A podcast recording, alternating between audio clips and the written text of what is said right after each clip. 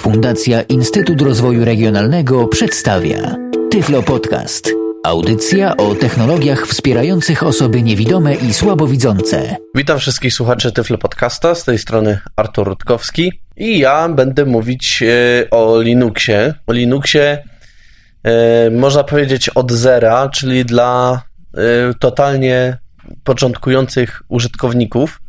Linux jest to system operacyjny, powstały w 1991 roku, napisany przez Linusa Torwalca, ale jego historia w sumie jest nieco dłuższa, ponieważ zaczęła się w sumie wraz z rozwojem systemów Unix. Pierwsze Unixy powstały pod koniec lat 60. Niektórzy datują powstanie pierwszego Unixa na 1969 rok. Powstał w rezultacie y, prac nad systemem Maltisk. Y, miał to być system dość skomplikowany, Maltix oczywiście, y, natomiast no niestety te prace w sumie się nie powiodły. Miał obsługiwać wielu użytkowników, w ogóle miał mieć bardzo jakieś różne zaawansowane rozwiązania ten system. Dlatego powstał Unix. Unix na początku był dla tak naprawdę końcowych użytkowników. E, dla końcowych użytkowników był jednozadaniowy, miał wykonywać tak naprawdę jedno zadanie. W sumie można powiedzieć, że od, od tego roku zaczął się taki rozwój tego systemu. Później różne firmy zaczęły pracować nad e, systemami Unixowymi, można powiedzieć, ponieważ różne firmy mm, wydały, można powiedzieć, swój, swój, swoją tak jakby dystrybucję E, Unixa. Takie dystrybucje były na przykład się pojawiły w, pod koniec lat 70., jak FreeBSD. To był system stworzony przez y, pracowników i chyba studentów Uniwersytetu w Berkeley, a BSD oznacza po prostu Berkeley Software Distribution. Y, systemów z rodziny BSD jest dość sporo. Dzisiaj znamy oczywiście FreeBSD, znamy NetBSD, OpenBSD, jeszcze parę podobnych można by wymienić. E, w latach 80. na przykład firma Hewlett Packard wypuściła swojego HPUX. To też jest po prostu Unix z rozwiązaniami, które zaimplementowała firma Hewlett Packard. I w sumie tak do 1990 roku te Unixy mocno się rozwinęły. One posiadały na przykład rozwiązania, które w systemie Windows tak naprawdę weszły dopiero chyba w wersji XP. To była na przykład pamięć wirtualna. FreeBSD już dysponowało rozwiązaniem pamięci wirtualnej już w latach 70. Także jest sporo rozwiązań, które, które wtedy już te systemy posiadały. No i właśnie, i na początku lat 90. Linus Torvalds, to był y, fiński programista, napisał własny jakby system operacyjny, który mocno, że tak powiem, yy, odziedziczył z Unixa po pierwsze wiele poleceń, wiele różnych rozwiązań i nazwany został od jego, jego imienia yy, Linuxem. Chociaż na początku były bardzo różne propozycje nazwy. Był FreeAx, yy, w końcu jednak ustalono nazwę na Linux. E, I cóż, e, Linux to było i tak naprawdę do dzisiaj jest tak naprawdę jądro systemu. Jądro systemu, czyli ta najważniejsza jednostka e, systemu odpowiedzialna za komunikację ze sprzętem, ono wykonuje w sumie najważniejsze funkcje. Zresztą tak naprawdę wszystkie polecenia systemu Linux przekazywane są oczywiście do jądra. Więc jądro wykonuje wszystkie polecenia. Yy, jądro posiada wszystkie najważniejsze funkcje systemowe, dostęp do sterowników, dostęp do sprzętu i tak dalej, i tak dalej. Natomiast cała ta otoczka, dajmy te wszystkie powłoki, yy, oprogramowanie, czy też yy, później, zwłaszcza teraz obecne konsole graficzne, to jest tak naprawdę otoczka taka dla użytkownika. Niektórzy nazywają to user space, czyli przestrzenią użytkowników, czyli po prostu tym obszarem, gdzie użytkownik e, jest w stanie jakoś pracować e, na tym systemie, jest w stanie mm, po prostu e, zarządzać jego funkcjonalnością, zarządzać wszystkimi zasobami komputera i po prostu wykonywać wszystkie czynności związane z pracą mm, na systemie. No i Linux po 1991 roku został upubliczniony wraz z kodem źródłowym. Ja bym powiedział, że nawet wraz z narodzinami systemu Linux pojawiły się takie terminy jak wolne oprogramowanie. Wolne oprogramowanie to nie jest tylko darmowe oprogramowanie, e, ponieważ e, no, tak się, można powiedzieć, przyjęło myśleć, że wolne oprogramowanie to jest równorzędne e, z oprogramowaniem darmowym. No okej, okay, no ono jest darmowe, ale tutaj też chodzi o to, o podejście do tworzenia takiego programu. Program y, wolny jest udostępniany również z kodem źródłowym. Wolne oprogramowanie charakteryzuje się tym, że w sumie każdy program gromadzi jakąś, można powiedzieć, społeczność deweloperską. Społeczność deweloperską, która się tym programem zajmuje, która go ulepsza. Y, wolność takiego oprogramowania polega również na tym, że mając do, dostępny kod źródłowy takiego oprogramowania, y, inaczej to się nazywa open source, czyli otwarte programowanie, wolne to raz, ale otwarte przede wszystkim, czyli otwarte dlatego, że bez żadnych sankcji prawnych stworzono nam możliwość y, ingerowania w kod tego programu. No i właśnie wraz z rozwojem takiego oprogramowania pojawiło się na przykład kilka licencji, które jakoś określają warunki użytkowania takiego oprogramowania. Na przykład słynna jest licencja GPL, czyli GNU Public License. E, tu wyjaśnię, organizacja GNU jest e, organizacją, która w sumie jakoś narodziła się wraz z początkiem systemu Linux. Ona e, zajmowała się i w sumie dalej się zajmuje tworzeniem na przykład różnego rodzaju bibliotek, ponieważ system Linux zaraz po, w sumie można powiedzieć, po napisaniu nie tylko jeszcze nie był do użytku, ale po, potrzebował przede wszystkim konkretnego interfejsu. Tutaj akurat zastosowana, zastosowano bash, czyli tak zwaną powłokę systemową. Yy, powłoka systemowa to po prostu yy, program, który jest odpowiedzialny za komunikację między użytkownikiem systemu operacyjnego Linux, a jądrem systemu. Wszystkie, można powiedzieć, polecenia są przekazywane właśnie do jądra przez taką powłokę.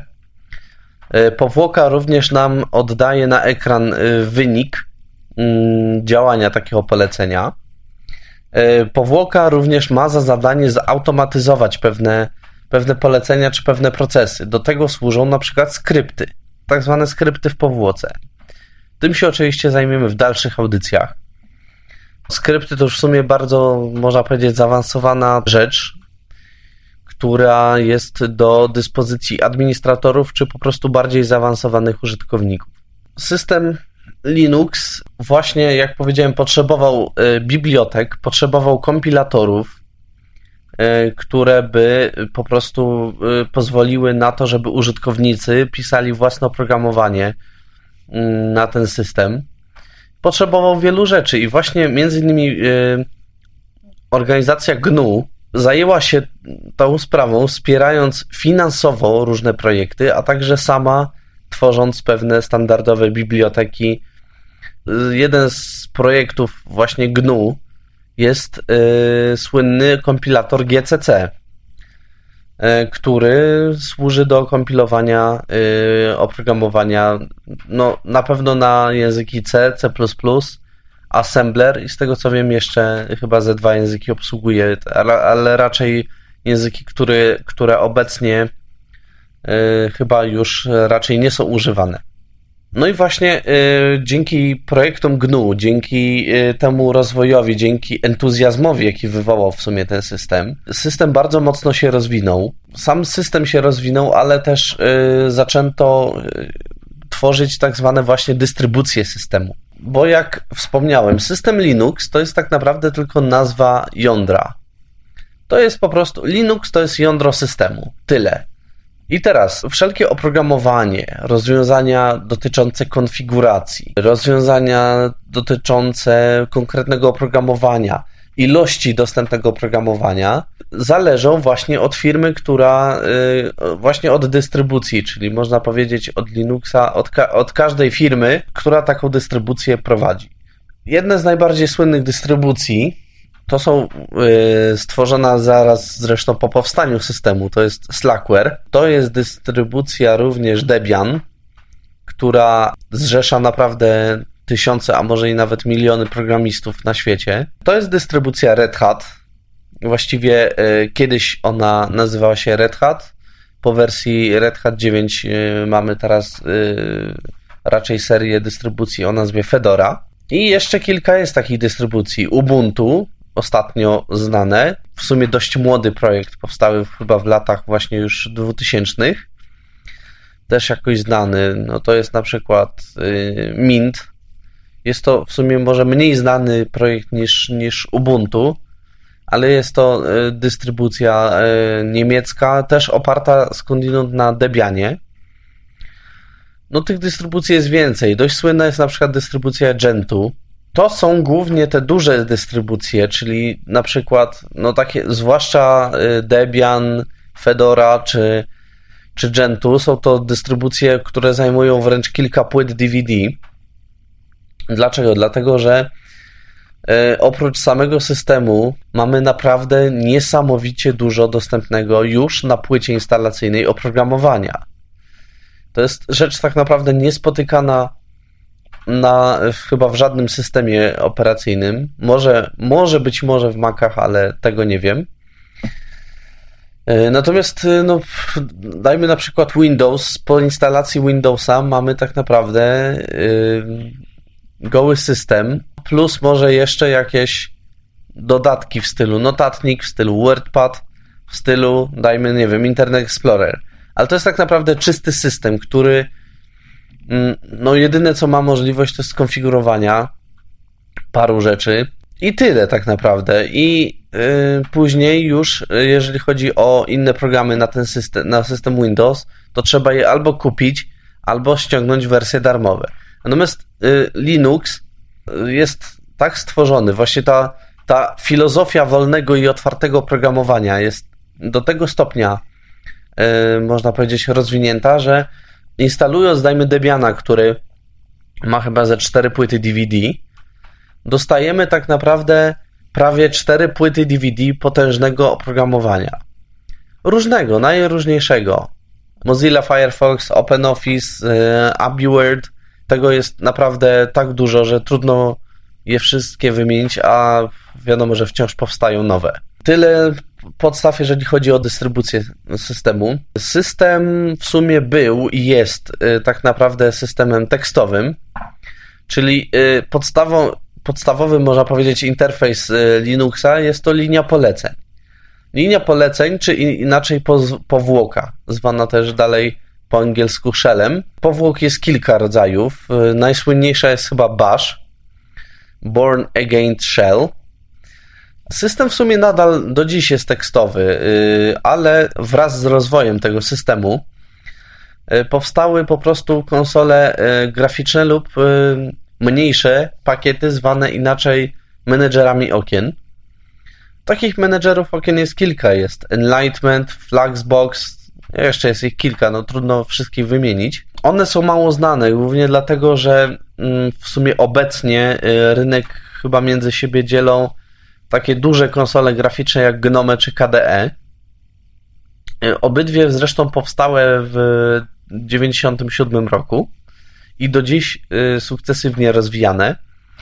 Konsole graficzne e, są tak naprawdę, można powiedzieć, nakładkami graficznymi na system Linux, na cały ten system i po prostu realizują wszystkie nasze polecenia w ten sposób, że my klikniemy myszką, natomiast taki gnome na przykład przekaże dokładnie tekstowo dany, da, dane polecenia. Znaczy trudno powiedzieć, czy tekstowo, no, ale głównie rzecz na tym polega, że tak naprawdę jest to graficzna nakładka na tekstowy system, więc yy, my, jako użytkownicy, klikamy sobie myszką w menu, okien- w różne okienka, w różne kontrolki, a protokół X11, który jest protokołem właśnie stworzonym po to, żeby móc y, posługiwać się właśnie graficznymi menedżerami oraz y, właśnie konsolami graficznymi, jakby przetransferuje y, naszą, można powiedzieć, akcję do systemu.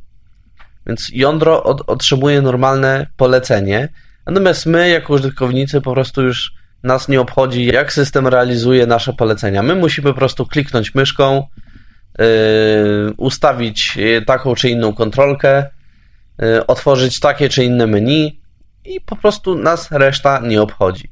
Co dają takie konsole? No przede wszystkim jest to jakby, no, yy, zwłaszcza dla użytkowników widzących, ułatwia to pracę. Jest to jednak praca zbliżona do pracy w systemie Windows, ponieważ y, taka konsola graficzna nie tylko oferuje nam dostęp do wszelkich możliwych ustawień, y, po prostu za pomocą odpowiednich przycisków, menu i tak dalej, które klikamy myszką, y, ale na przykład dostarczane jest również no, z pakietem podstawowych aplikacji takich jak naj, najprostszy jakiś menedżer plików, mm, jakiś edytor, na przykład w Gnome jest to gedit.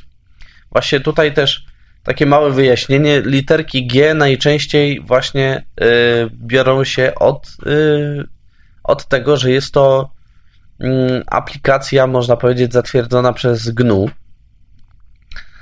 E, więc gedit to jest tak naprawdę GNU Edit, to jest po prostu naj, najprostszy edytor tekstu. Mamy menedżer na przykład e, plików, e, który na przykład w, w Gnomie nazywa się Nautilus. Mamy program do poczty elektronicznej, mamy program do stron internetowych, może to być Mozilla Firefox. Na przykład niektóre dystrybucje mają własną przeglądarkę dostępną już po zainstalowaniu systemu Takim przykładem może być y, Debianowa przeglądarka Epiphany. Y, zresztą po zainstalowaniu Linuxa nie tylko przeglądarki mamy y, do dyspozycji.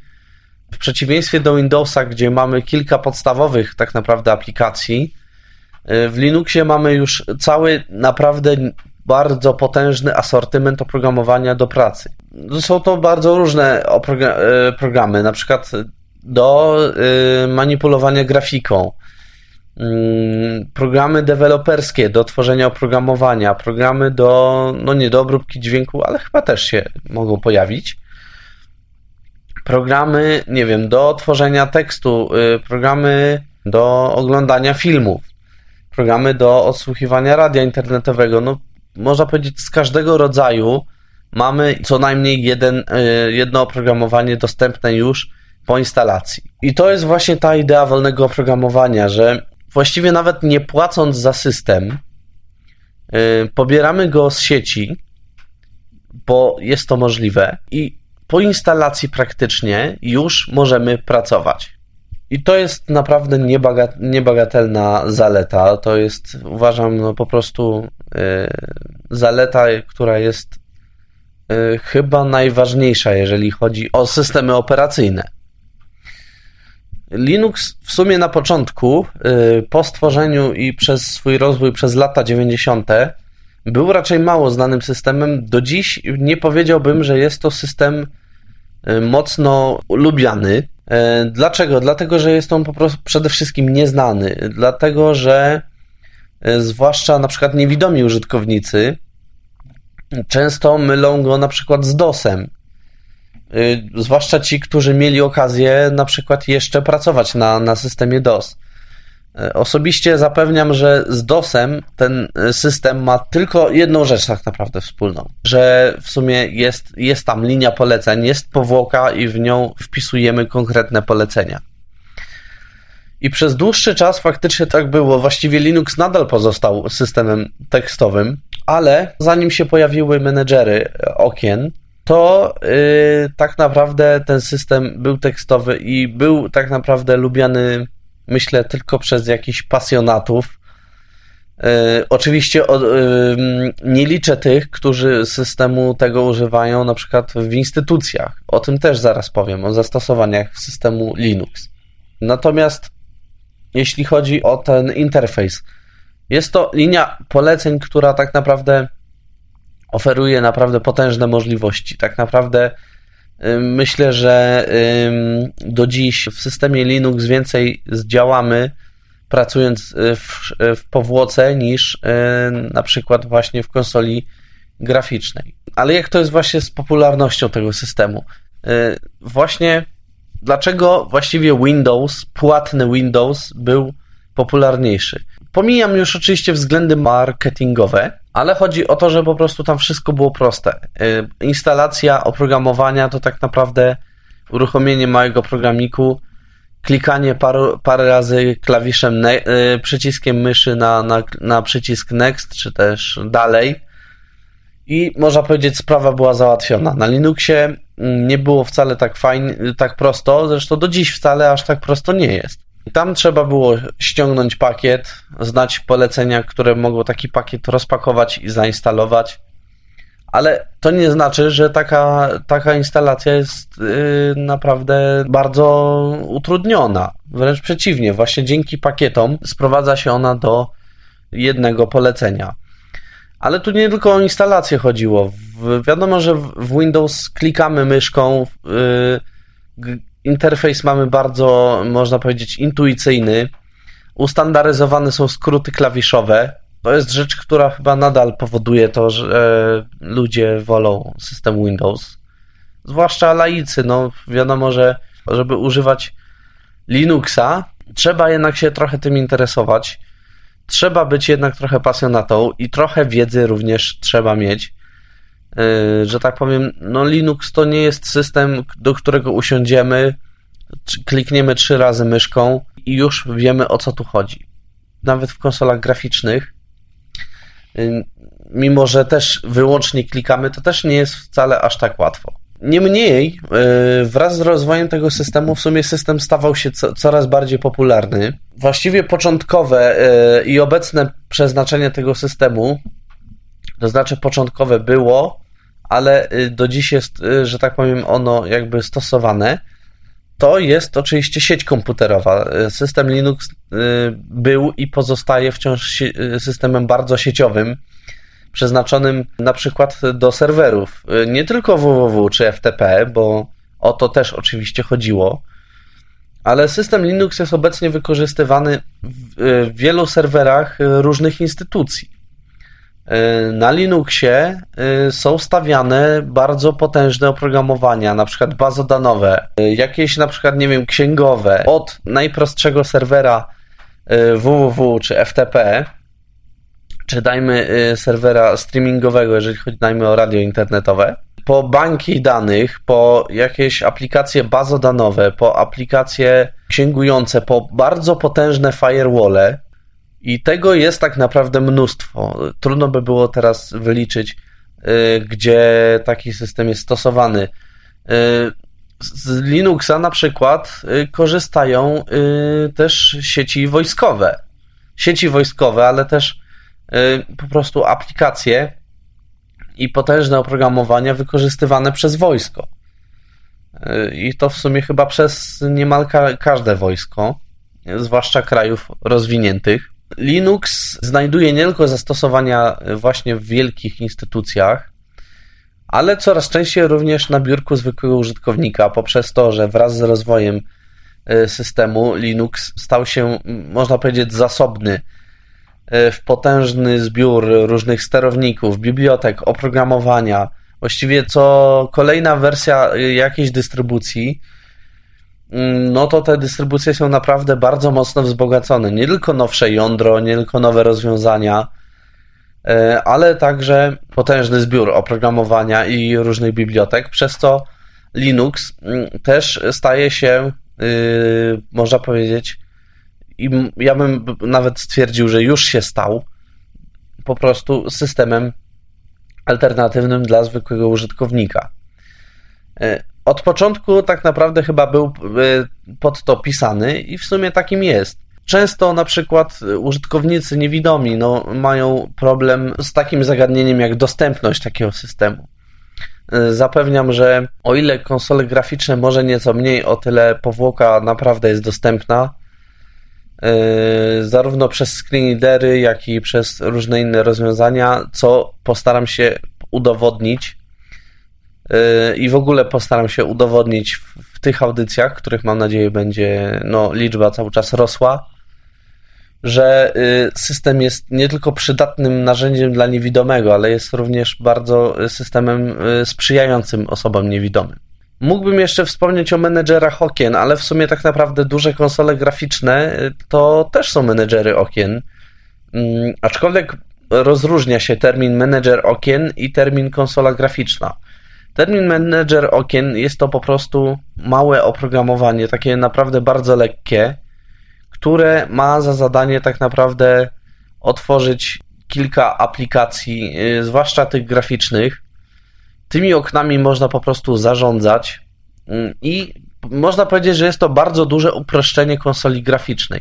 Taki menedżer okien niekoniecznie daje nam możliwość do konfiguracji systemu, jego rola polega przede wszystkim na tym, żebyśmy mogli otworzyć kilka aplikacji, zwłaszcza tych graficznych, i nimi fajnie zarządzać.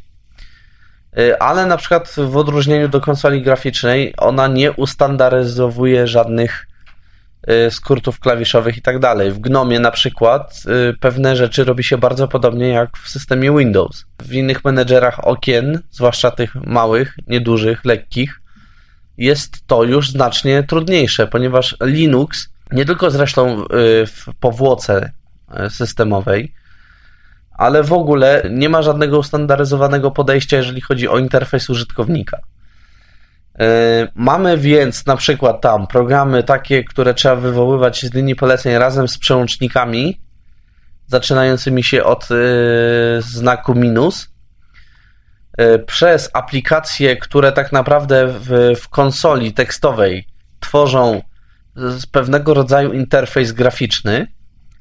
Najczęściej wykorzystywana do tego jest biblioteka Ncurses, ale o tym no już w którejś audycji z kolei.